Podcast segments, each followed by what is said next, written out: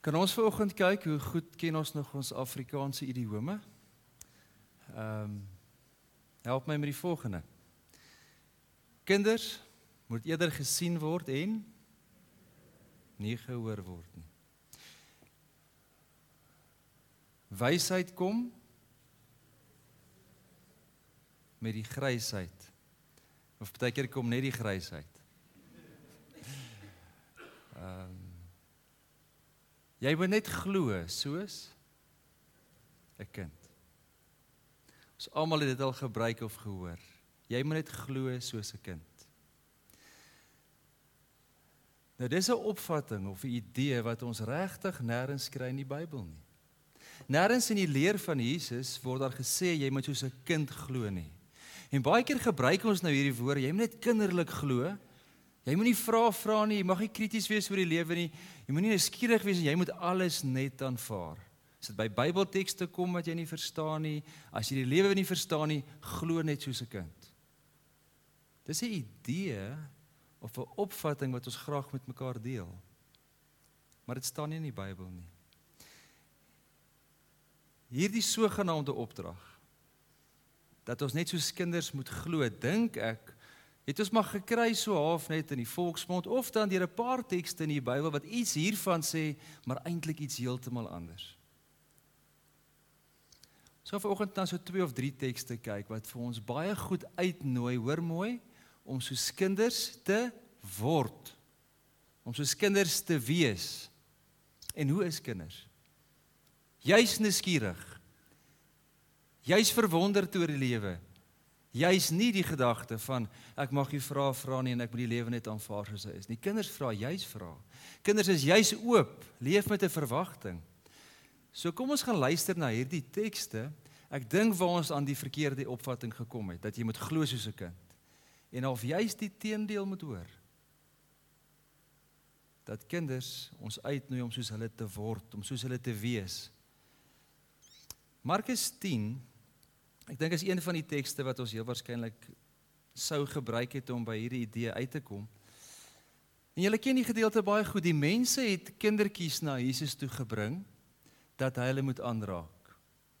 En sy disippels het met die mense daaroor geraas. Maar toe Jesus dit sien, was hy verontwaardig en hy het vir hulle gesê: "Laat die kindertjies na my toe kom en moet hulle nie verhinder nie, want die koninkryk van God is juis vir mense soos hulle. En dit verseker ek julle, vir die koninkryk van God nie soos 'n kindjie ontvang nie, sal daar nooit ingaan nie. Nou ek dink dit is van selfsprekend en ek dink dit is wonderlik dat Jesus baie lief sou wees vir kindertjies. Ons ken daar baie mooi uitbeelding, nee, Jesus sit iewers, hy het so wit kleed aan, sy klein seentjie of dogtertjie op sy skoot of hy tel sommer nog 'n ou skaap lammetjie ook op. Dis 'n goeie idee en op 'n of ander manier het hierdie teks half die teks geraak wat ons lees nou by uh by dope en by geleenthede waar dit gaan oor kindertjies en by kleuterskoolkonserte om iets te kan sê dat Jesus was baie lief vir kindertjies. En dat ons as kindertjies moet glo. Ek meen dit staan glad nie in hierdie teks nie. As ons mooi sien wat hier aan die gang is, gebruik Jesus die voorbeeld van 'n kind. Maar hy is besig. Baie ernstig. Baie diep om met groot mense te praat. Hy praat met die disippels in hierdie geval, Maar ook in 'n ander teksgedeelte van die Bybel praat hy met mense wat dink hulle is groot, wat dink hulle is sterk, wat dink hulle die mag en hy probeer hulle uitnooi na 'n ander tipe lewe toe, na 'n ander gemoed toe, na 'n ander manier van bestaan toe. Dis 'n teks. Dis woorde wat in daardie tyd en ek dink ook al so vandag eintlik mense heeltemal sal uitdaag. Mense sal kwaad maak. Bietjie agtergrond.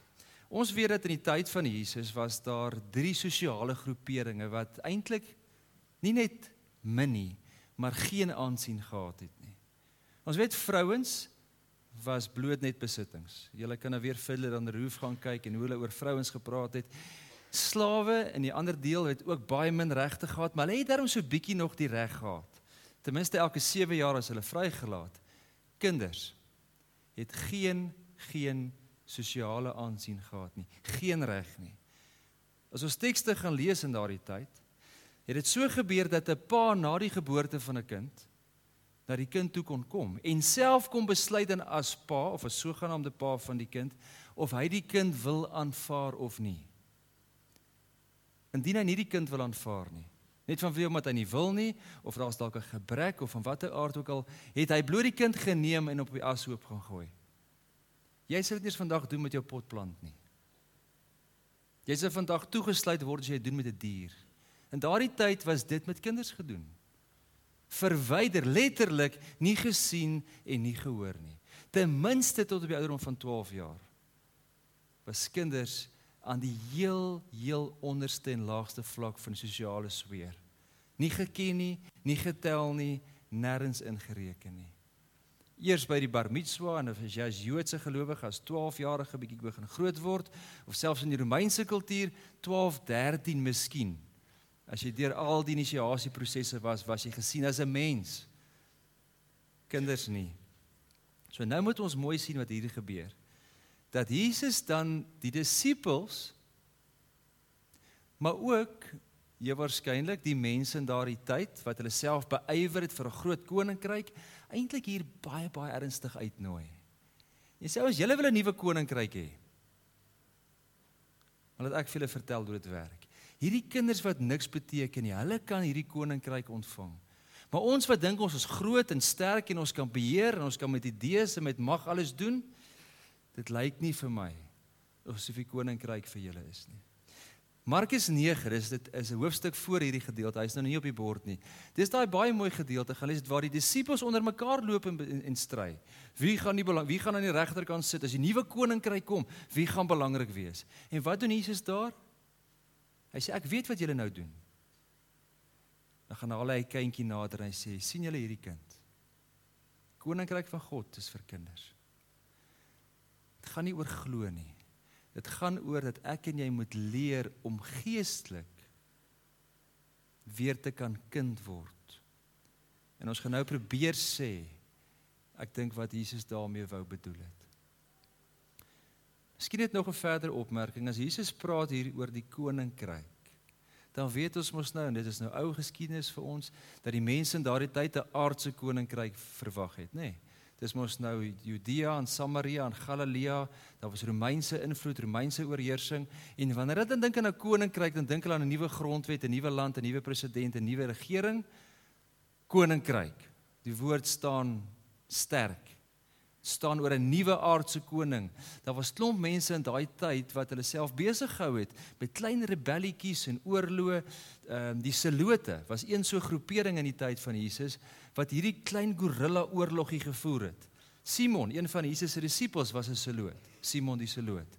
En hy was een van die ouens wat dit gedoen het. Ons moet net die ons moet hierdie Romeine net kan wegkry. Dan staan die Jode weer op en ons kry ons koninkryk terug. Ons kry ons koning, ons kry ons nuwe regerders. En nou kom Jesus en hy sê dit wat julle nou wil doen. Die koninkryk van God. Die koninkryk van die Vader gaan jy nie kry deur power en mag en groot idees maar juis deur te word soos 'n kind.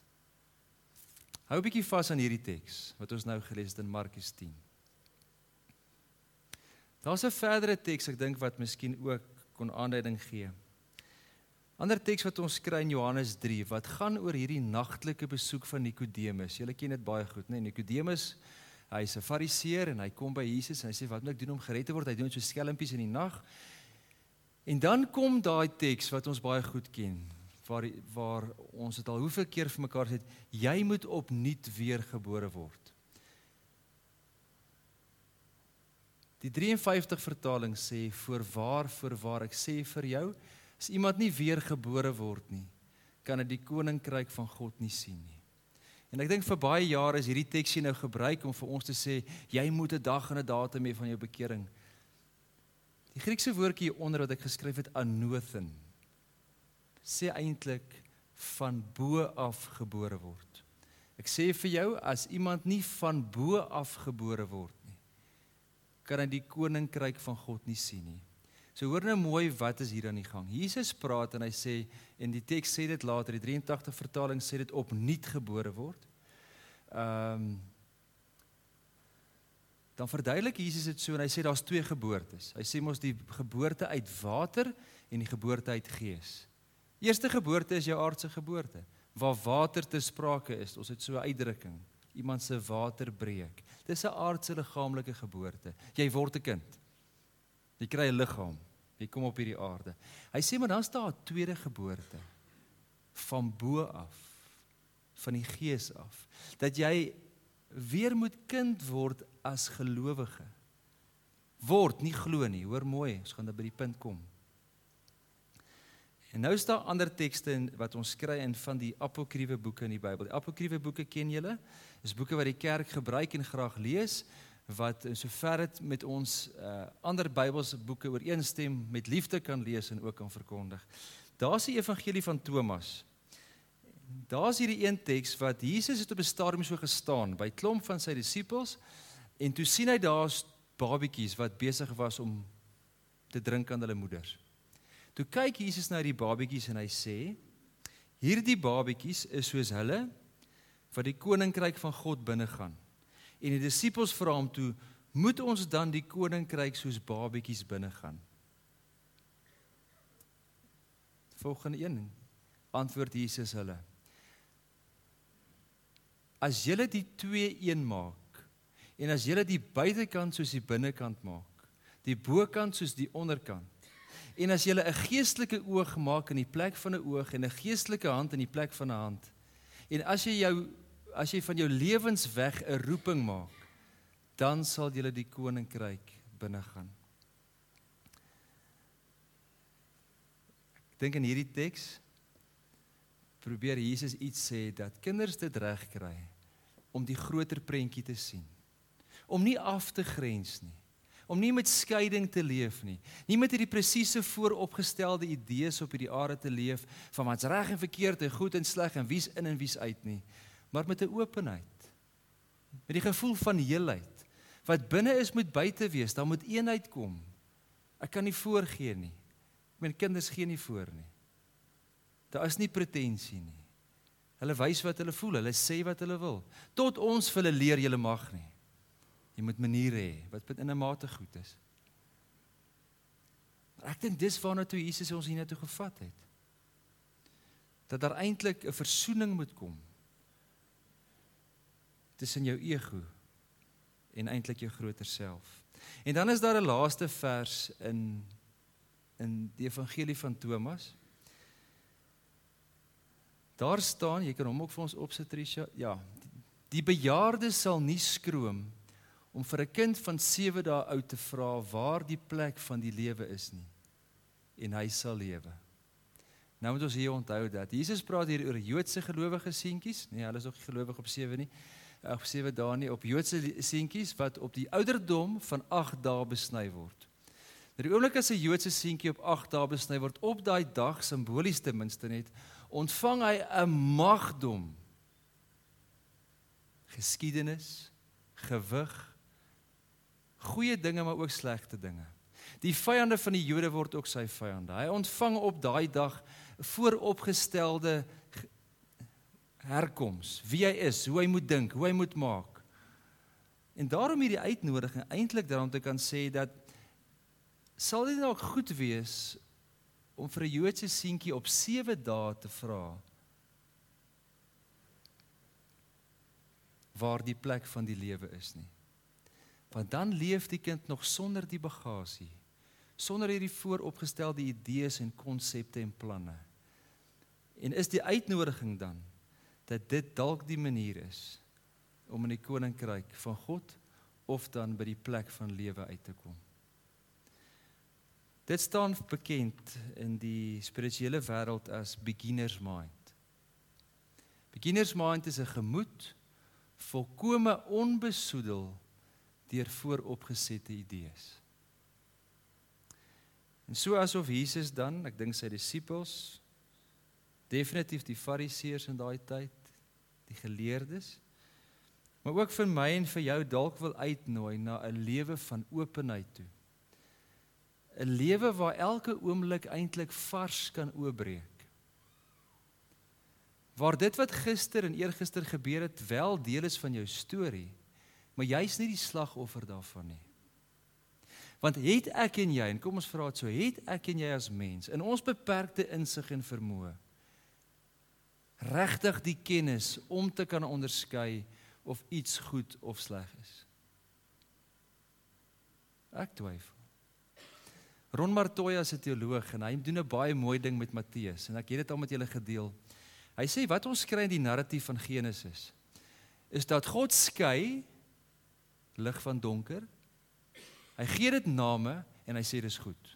God skei water en land. Hy gee dit name en hy sê dit was goed.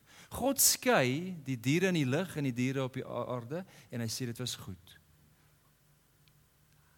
Deurlopend sê hy dis soos 'n metrum wat jy kan lees in die lied van Genesis 1.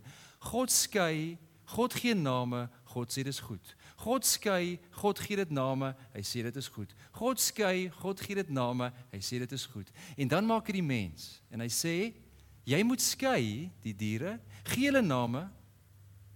Punt. Hoor ons iets daarin? Dat die mens nie mag eet van die boom van kennis van goed en kwaad. En dat die simboliese gedagte dat as ons geëet het van die boom van kennis van goed en kwaad, toe Adam en Eva nou besluit het wat's goed en sleg in lewe, toe beweeg hulle weg van die boom van lewe. God skei. Hy gee name. Hy het die mag om te besluit of iets goed of sleg is.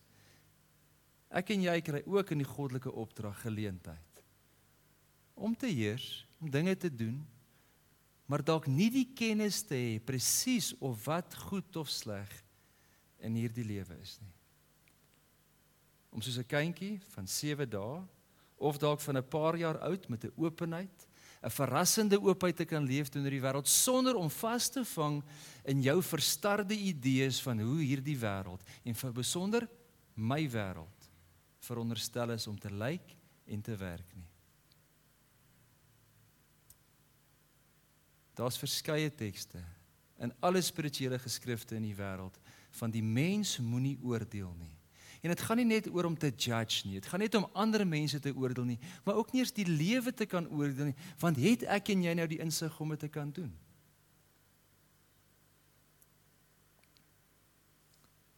En jy kan dalk vanoggend sê, "Jene, maar dit klink nou naïef." Dat ek moenie oordeel nie. Ek moenie ander oordeel nie. Ek moenie die lewe oordeel nie. Ek moenie sekere dinge te seker van weet nie. Ek dink dit klink naïef. En jy kan ook van sê dit gaan my absoluut dom maak. Ek moet mos my verstand gebruik. Ek dink dit is waar die uitnodiging vir oggend lê nie. Ek dink hierdie teks sê vir oggend wees dom, wees lui, moet niks doen nie, moet aan niks dink nie. Jy moes vir oggend sekere denke in jou kop gehad het om hier te kom. Jy moes aan die linkerkant van die pad ry. Te weet daar's 'n reg en 'n verkeerd. Daar's sekere idees wat ten minste vir ons ooglopend is. Maar ek dink dat ons word ver oggend uitgenooi om te sê dat ons vanuit 'n diep plek kan keuses maak. En nie net in reaksie of in refleksie die lewe elke dag moet leef nie. Vanuit 'n diep plek vir ons bietjie verlos is van die vaste idees, die verstarde konsepte wat ons oor hierdie wêreld, oor ander en oor my het. Nou ek kon nie aan 'n baie mooi vergelyking of analogie dink nie. So probeer hierdie een saam met my. Ek sit saam met iemand in kuier en ons probeer ook toe nou sy lewe half inkleer in terme van padkaarte en roetes en ruimtes. En ehm um, ons probeer toe die volgende. Ek sê vir hom ehm um, Veronderstel jy met Bloemfontein toe ry. En nou ry jy net hier buitekant Ventersdorp begin lê met klippe gooi. So die een ding wat jy kan doen is jy kan onmiddellik terug klippe gooi. Dis wat jy kan doen. Jy leef in reaksie, leef in refleksie, jy gebruik jou verstand, jy gebruik jou krag en jy tree op. Of jy kan ook iets anders doen. Jy kan dalk besluit is daar dalk 'n ander pad om te ry nie. So jy maak 'n keuse vanuit 'n ander plek uit. Nie in reaksie nie. Of vra ons toe later vir mekaar. Moet jy enigsins Bloemfontein toe? Later vra ons nog verder. Moet jy nie liewer Nelspruit toe nie?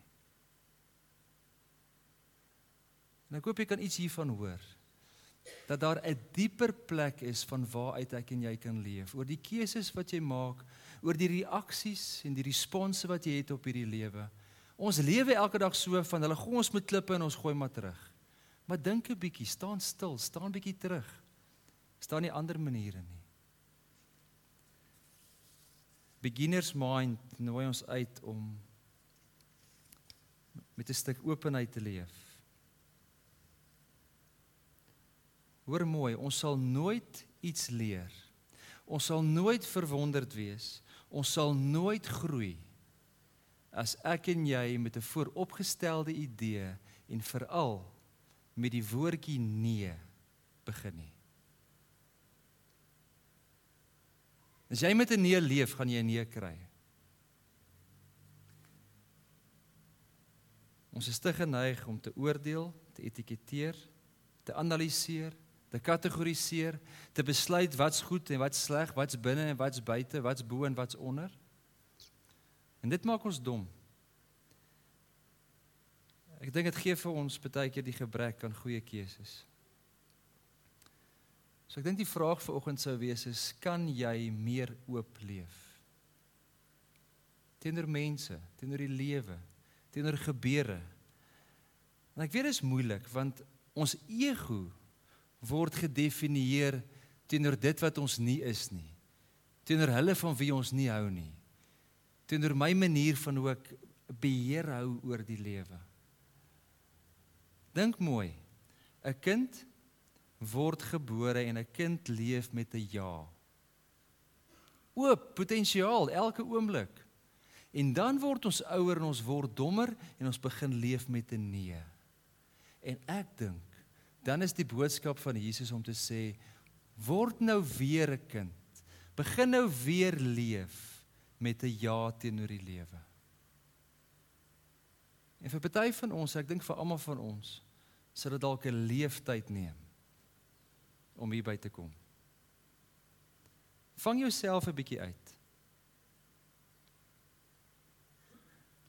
En al die dingetjies wat jy doen, en die gesprekke wat jy het, is jy nie besig met hierdie oefening van beheer nie. Hoekom praat jy oor mense? Hoekom bespreek jy hulle? Hoekom is daar vasgestelde gesprekke of dinge wat ek vang myself gisterand uit en ek's nou heel wees, heel week besig met die teks. Ek's besig op die internet om inligting te kry oor iets of iemand sodat ek 'n baie goeie idee kan kry oor wie hulle is sodat ek kan weet wie ek is. Ek sê dalk tog, "Ag, wat gaan nou aan? Hoekom is ek nou besig met hierdie ding? Hoekom wat is nou hier aan die gang?" Filosofies en psigologies is dit oor en oor bewys dat daar moet 'n oopheid 'n nie oordelende, kategoriserende, analiserende perspektief in my lewe kom. Anders sal ek nooit gereed wees vir enige verandering, groei of transformasie nie. As jy 'n vaste idee het van hoe jou pa is, of hoe jou vrou is, of hoe jou kind is, of hoe die skool is, of hoe hulle is, of hoe daai klomp is, dan is dit so. Dat jy mos nou klaar besluit. Wat gaan jou nou nog verras? Niks. En dit is presies, hoor mooi wat fundamentalisme is. Jy raak verlief op idees, op woorde, op konsepte. En jy kan net dink. Jy kan beheer en jy kan besluit. Hoor mooi. Jy kan nie lief hê nie. Jy kan nie lief hê nie.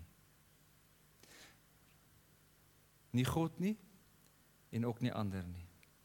Dis die verskil tussen verliefdheid en liefde. Baie van ons kan net verlief wees. Want dan werk dinge vir my uit. Oor is so lekker hier by jou. Maar die oomblik as daai verliefdheid weggaan, dan staan ons verstom.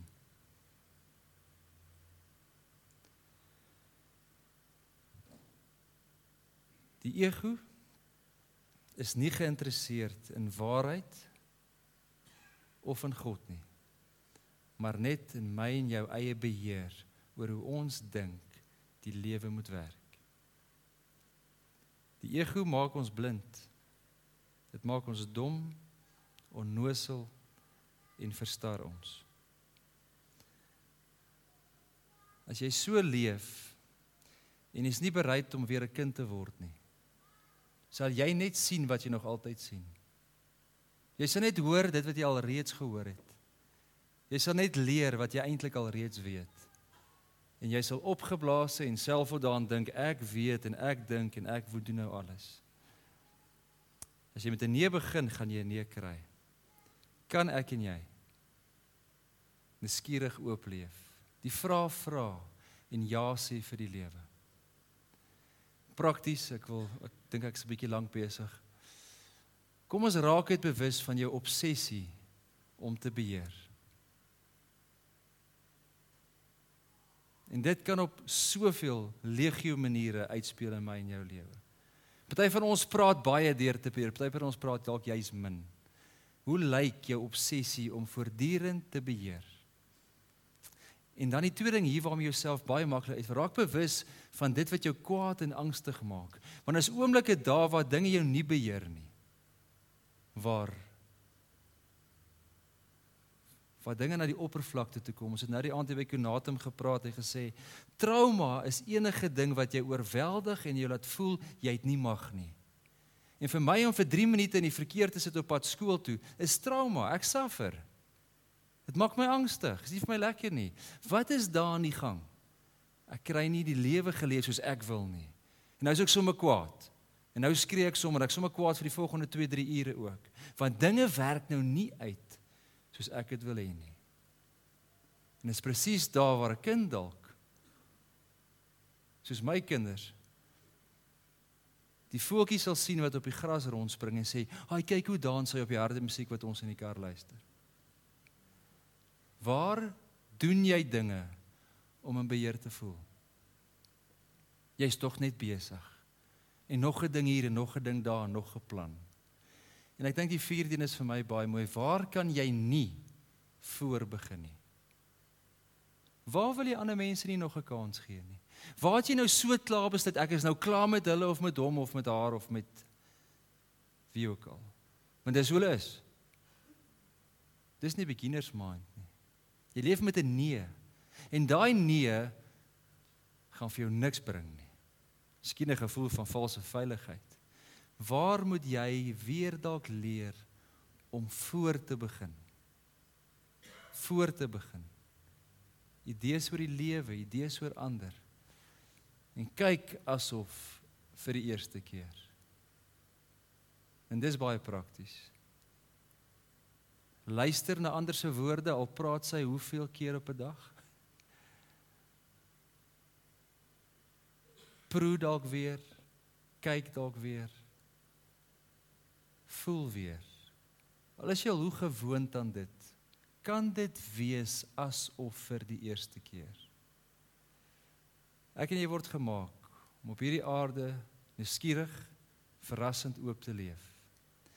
Ek en jy kan dit net doen as ek en jy ons mag, ons idees, ons konsepte kan teruggee en weer kan kind word. Ek sluit af, ek kan dit op 'n beter manier doen as die Romeine 8 teks nie. Luister mooi wat gebeur. Almal wat hulle deur die gees van God laat lei, is kinders van God. Kind, kinders. Jy's nie in beheer nie. Jou planne geld nie nou nie. Dis die gees. Julle het die Gees ontvang. Dis 'n gegewene, dit klaar gebeur. Wat julle tot kinders van God maak en wat ons tot God laat roep. Abba. Dit beteken Vader. Hierdie Gees getuig saam met ons gees, nie andersom nie, dat ons kinders van God is. En die Gees staan ons ook in ons swakheid by. Nie in ons krag nie, Nie in ons selfvoldaanheid nie, maar in ons swakheid. Ons weet nie wat en hoe ons behoort te bid nie. Maar die Gees self pleit vir ons. met versigtings wat nie met woorde gesê kan word nie. Ons gaan nou 'n gebedssang doen. Ons kan vir hom bly sit en dan ook 'n laaste lied daarna. Kom ons sit net so.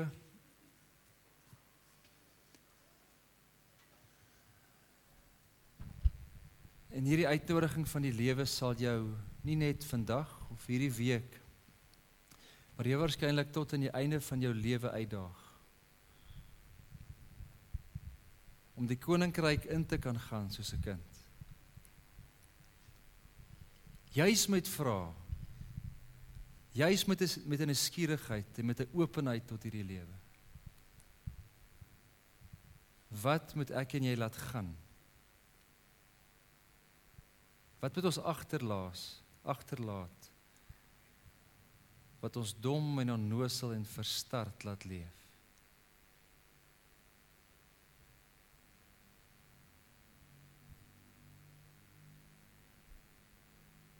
Mag dit die gees wees van God wat in ons gees laat uitroep. Want hy woon in ons en ons in hom. Kom ons gaan ook hierdie week in. Verrassend oop om deur God se liefde en sy genade maar ook sy teenwoordigheid verras te word in elke oomblik van jou lewe. Amen.